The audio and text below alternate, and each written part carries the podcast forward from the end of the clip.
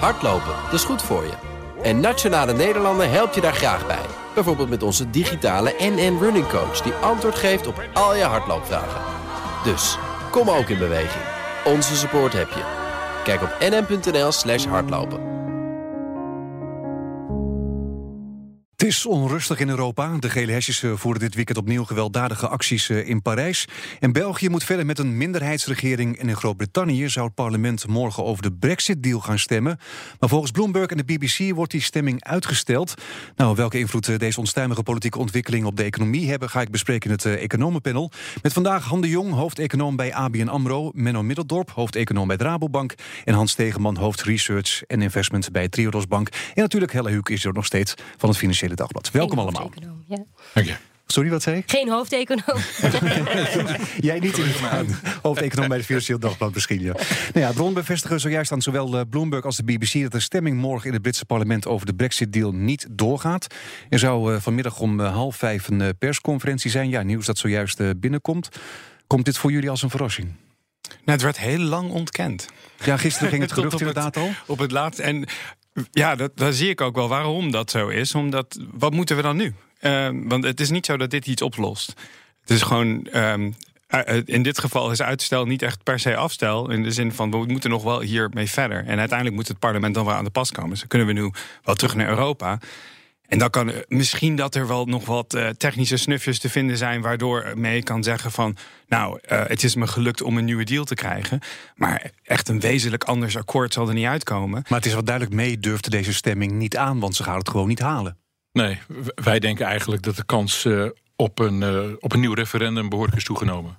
Oh ja, omdat het parlement niet mee akkoord wil gaan? Nou, om, om, weet je, het zit zo vast in het Verenigd Koninkrijk dat de, de, de vraag om een nieuw referendum, die, die wordt eh, luider en luider. En uh, May heeft wel gezegd dat ze daar niet aan wil. Maar uiteindelijk, als, de, als die vraag maar, maar stevig genoeg wordt, dan, dan is de kans heel groot dat het toch door de bocht gaat. Ja, maar als je al die commentaren hoort, dan, dan is dat wel een soort van laatste optie. Want zover zijn we niet. Nee, en, en, en wat dat dan oplost, valt natuurlijk ook te bezien. Want stel je voor dat ze dan weer eh, voor, voor Brexit kiezen. En dan moet, je, dan moet, wat je dan zou kunnen doen, natuurlijk, is eh, de vraagstelling duidelijker maken over wat voor Brexit het dan eigenlijk zou moeten zijn. Hm. Um, want dat is nou natuurlijk uh, uh, bij dat referendum in 2016 was het volstrekt in het midden gelaten.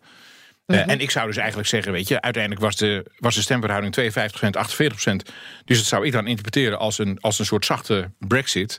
Maar de brexiteers, die, uh, uh, ja, die zijn vol gegaan voor, uh, voor een vrij stevige. Ja, maar volgens het Europees Hof mag Groot-Brittannië dus dat artikel 50 intrekken. Gewoon eenzijdig. Ze mogen gewoon zeggen van we blijven. Dus dat is eigenlijk het scenario waar jullie van uitgaan. Referendum.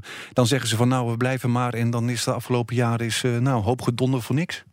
Nou, dit, ja, maar dit past natuurlijk alles wel in het beeld van, van uh, volkomen onduidelijkheid. Hè? Dat, dat heel dat referendum. Eh, er was niet eens over nagedacht dat er een, dat er een, een, een brexit uh, zou komen. En ook dit nu weer van laten we de, de stemming doorgaan of niet. Dat past perfect in het beeld van een totaal, totale chaos. Uh, die, ja, ze hebben het totaal niet in de hand. Dus ook mee kan nog aftreden. Uh, ze probeert waarschijnlijk terug te gaan, misschien nog. Uh, en als, als, als laatste optie misschien een, een, een, nieuw referendum. Het is wat mij betreft nog allemaal mogelijk. Ja. Nieuwe verkiezingen. Ja. Corbyn kan ook nog eens aan de macht komen. Ja. Dat zou echt dingen veranderen in het is, het, het, is allemaal heel onzeker. Maar, is nu de consensus een beetje hier van een nieuw referendum? Gaat er waarschijnlijk wel komen? Ja, ik vind het toch wel bijzonder nee, dat jij dat nee. zegt. Want de, de meesten gaan er toch een beetje vanuit dat, dat de brexit toch wel... Brexit is. Brexit is. Nou, ik denk in de verdediging van Han, hij zei de kans is zeker toegenomen. En dat is ook wel zo. De kans is toegenomen. Ja, ook door de uitspraak niet... van het Hof, denk ik. Ja, dat maakt het technisch iets makkelijker om dat te bereiken. Want dan hoeven ze niet eerst te smeken aan de EU voor uitstel... voordat ze dat allemaal kunnen regelen. Ja, maar ehm, goed, de, de kans op een harde brexit is sowieso ook al de afgelopen weken uh, behoorlijk toegenomen. Precies. En dat past meer in, in dat plaatje wat mij betreft. Dus uh, ik vind het nog niet eens allemaal. Ik, ik weet echt niet meer wat waarschijnlijk is in dit geval. Ja, terwijl eerder natuurlijk leek het, de meeste mensen dachten wel waar we voeren ja. af op een, op een een of andere zachte brexit variant.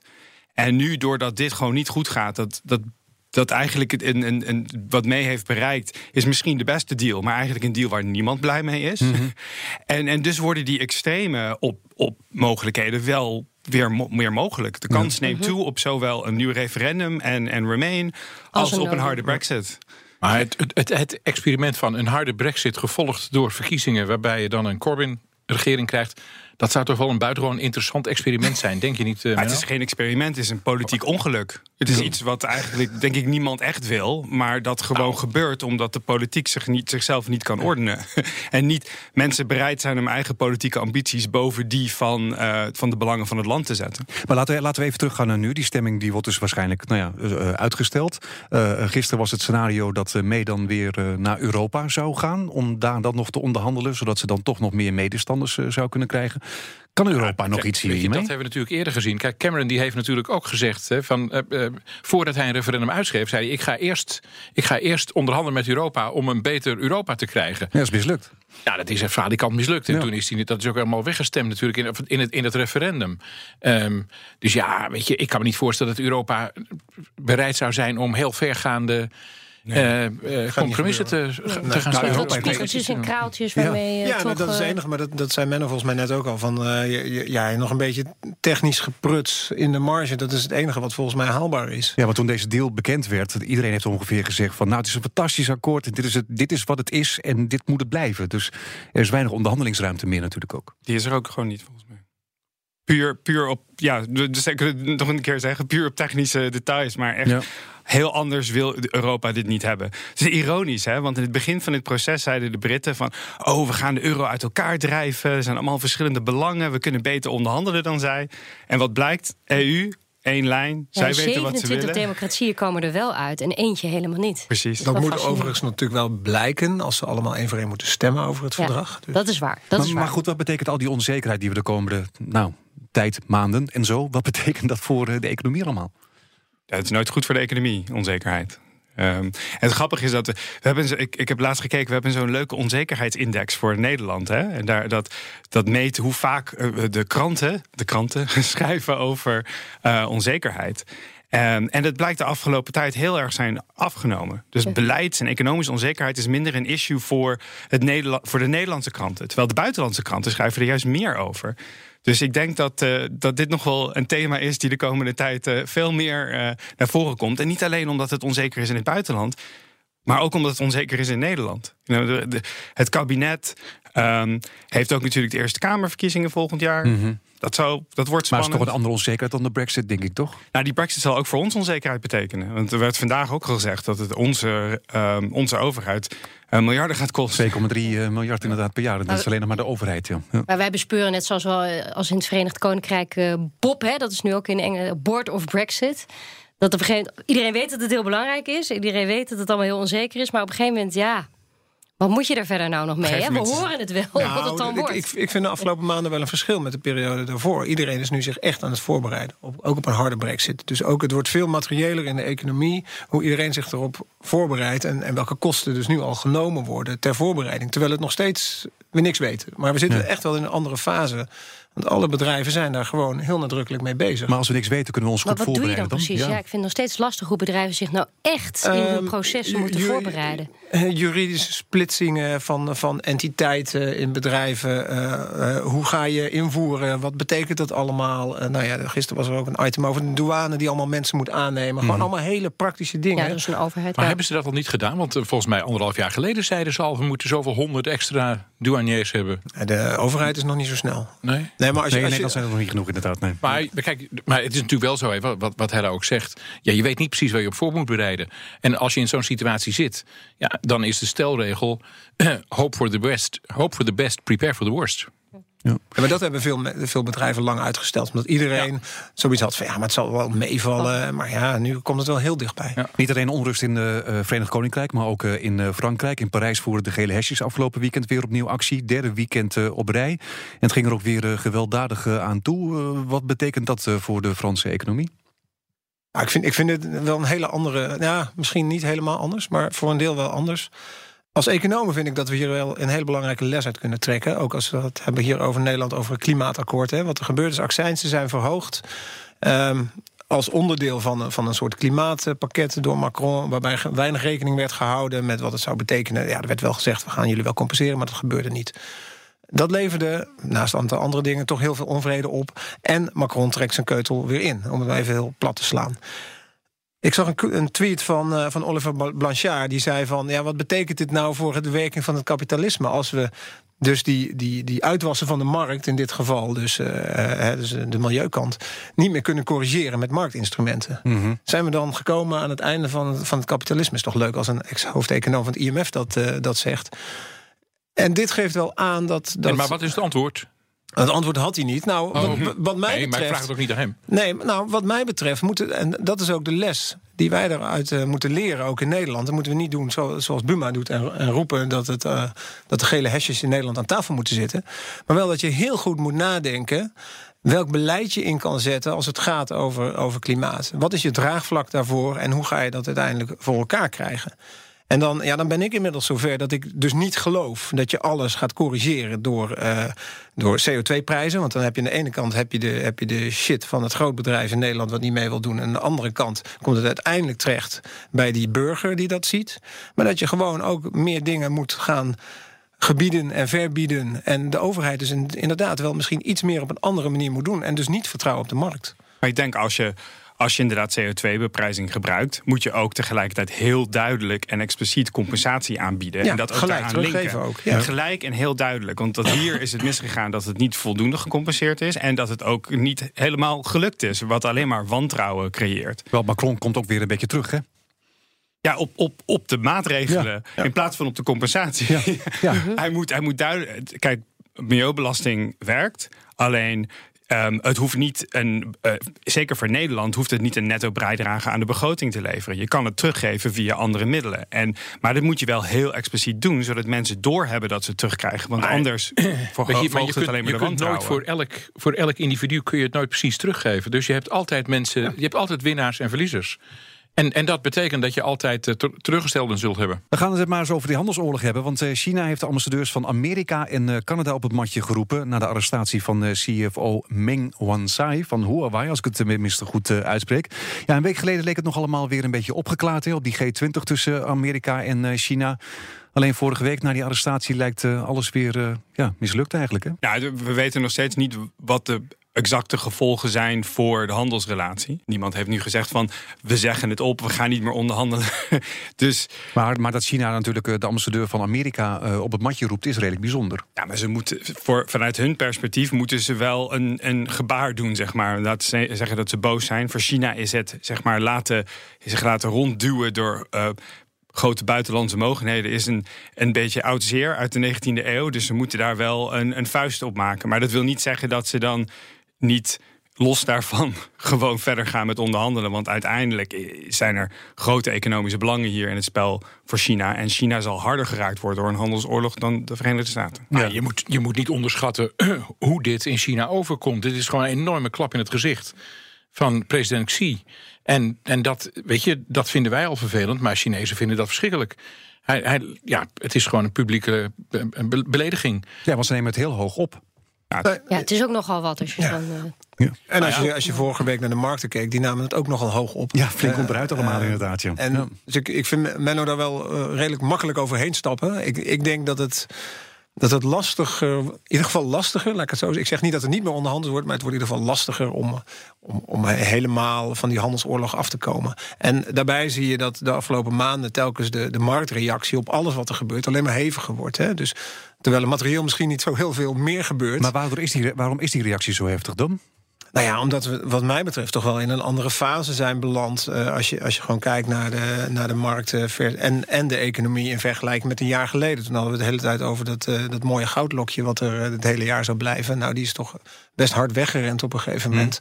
Um, en die, die, markten zie je langzaam maar zeker stapje bij stapje om, omlaag gaan en die onzekerheid toenemen. Ook omdat je sinds het voorjaar eigenlijk wel over het hoogtepunt van die conjunctuur heen bent. Ja, maar als we nog even terug gaan naar die, naar die CFO, die, die, die zou dus uh, nu uh, gearresteerd zijn omdat ze het handelsembargo tegen Iran zou hebben geschonden. Moeten we dit nou loszien ook van de handelsoorlog dan? Want het gaat eigenlijk over iets anders.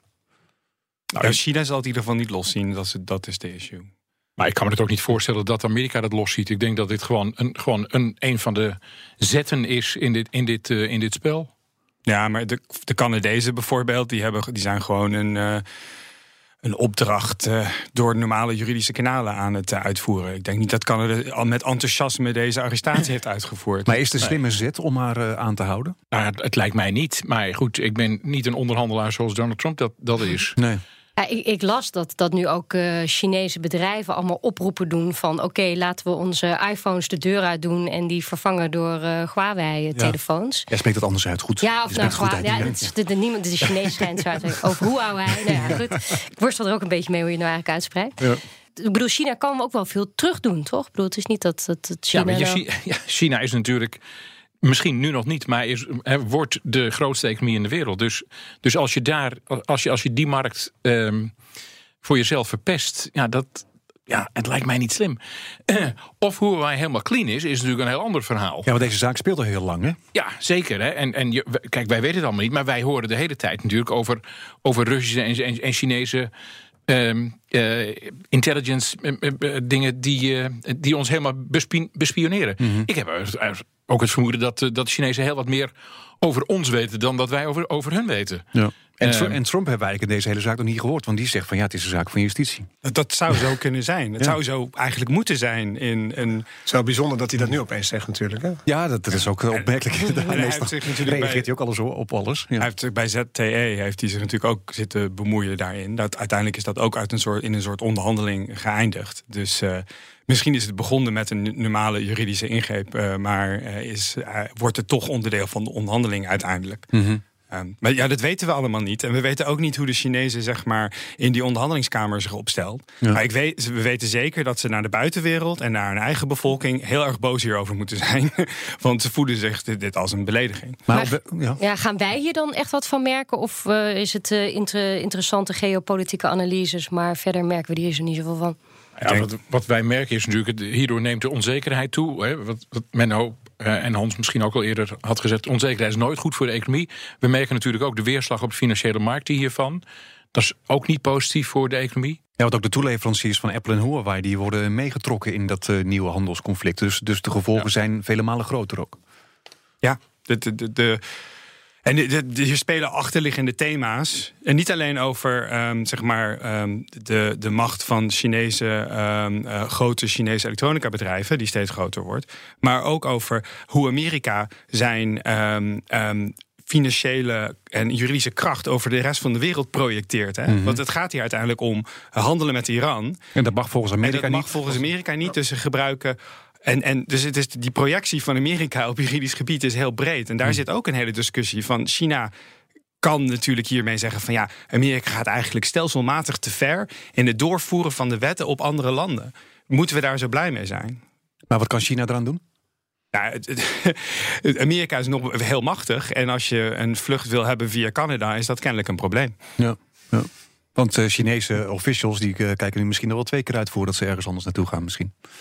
Ja, zouden ze op Schiphol ook zijn aangehouden? Of zou ze, die mevrouw Meng, hier op Schiphol ook zijn aangehouden? Ik dacht dat we een uitleveringsverdrag hebben. Dus technisch ja. zou ik denken van wel. Maar goed, dat daar, daar moet je bij de juridische panel. Heeft uh, BNR die? Ja, we hebben juridische zaken op dinsdag inderdaad. Ja, die maar, kunnen daar bespreken. Maar China heeft ook gezegd dat Canada zal bloeden voor dit uh, incident. Hè? Hoe, uh, hoe, hoe, zou Canada hiervoor kunnen bloeden? Nou ja, China kan natuurlijk handelsmaatregelen tegen Canada nemen. Dat, dat zal het wel zijn. Ja. Symbolisch of, of anderszins is ja. het uh, allemaal prima te doen natuurlijk. Ja. Ik wat eerder gezegd werd dat de, de Chinese bevolking hier ook iets mee kan. Dat heb je eerder gezien. Hè? Uh, uh, de Chinezen hebben een soort spontane. zijn ze gestopt met het kopen van Koreaanse producten een tijdje geleden. Dus dat heeft Korea heel veel geld gekost. En dus op die manier kunnen ook een, de, de boosheid op, oprakelen zeg maar, van de Chinese bevolking door de, door de Communistische Partij. Kan ook ervoor zorgen dat er echt economische maatregelen genomen worden. Ja. Ook al doet de overheid technisch gezien niet zoveel. Ja, we zeiden het al, de beurzen die reageerden vorige week heel heftig. De wereldwijde markten die hoopten nog op een eindejaarsrally, maar dat is nu helemaal voorbij door dit. Kunnen we niet meer op rekenen? Je weet het nooit zeker. maar... Ja, het lijkt er niet op. Hè? Ik bedoel, de AX die schommelt zo op en uh, rond en nabij de 500 punten. Nee, maar het, het, de, de, enige wat je kan zeggen... dat de beurzen heftig reageren op alles wat er gebeurt. En er gebeurt genoeg. Maar als je er een beetje doorheen kijkt... is het misschien wat er gebeurt ook niet allemaal veel erger of zo. Hè? Net waar we net over hadden, die handelsoorlog. Eigenlijk Ja, is het nou heel veel anders dan een half jaar geleden? Nou ja, het, Nee. het enige is dat het een half jaar langer is doorgegaan. en, en dat er nog steeds allerlei onzekerheid eh, is. Alleen beurzen reageren heftiger. En, En door die onzekerheden wordt er heftig gereageerd. Ja. Maar half jaar Dus- geleden hadden we het erover. Waarom reageren de beurzen hier niet meer op? dus kennelijk zijn ze eindelijk wakker geworden. Ah, die, die handelsoorlog ehm, die spitst zich nou natuurlijk toe eh, op de strijd tussen China en de Verenigde Staten. Maar voor wat betreft het, eh, verschil, of het geschil tussen Europa en de Verenigde Staten, moet je zeggen dat het eigenlijk gedeescaleerd is de afgelopen half jaar. Ja. Dat kan weer terugkomen natuurlijk. Ja. Maar Door Jonker. door, door ons goede vriend Juncker. Ja, Door de precies. dikke klapschoenen van Jonker. Maar goed, wij hebben hier ook mee te maken natuurlijk. Nou, dat is- zeker. Zeker. Ja. Oké, dank jullie wel. Han de Jong, hoofdeconoom bij ABN AMRO. Menno Middeldorp, hoofdeconoom bij de Rabobank. En Hans Stegeman, hoofd Research en Investment bij Triodos Bank. En ik dank ook mijn zakenpartner vandaag, eh, Hella Huuk. Hardlopen, dat is goed voor je. En Nationale Nederlanden helpt je daar graag bij. Bijvoorbeeld met onze digitale NN Running Coach... die antwoord geeft op al je hardloopvragen. Dus, kom ook in beweging. Onze support heb je. Kijk op nn.nl slash hardlopen.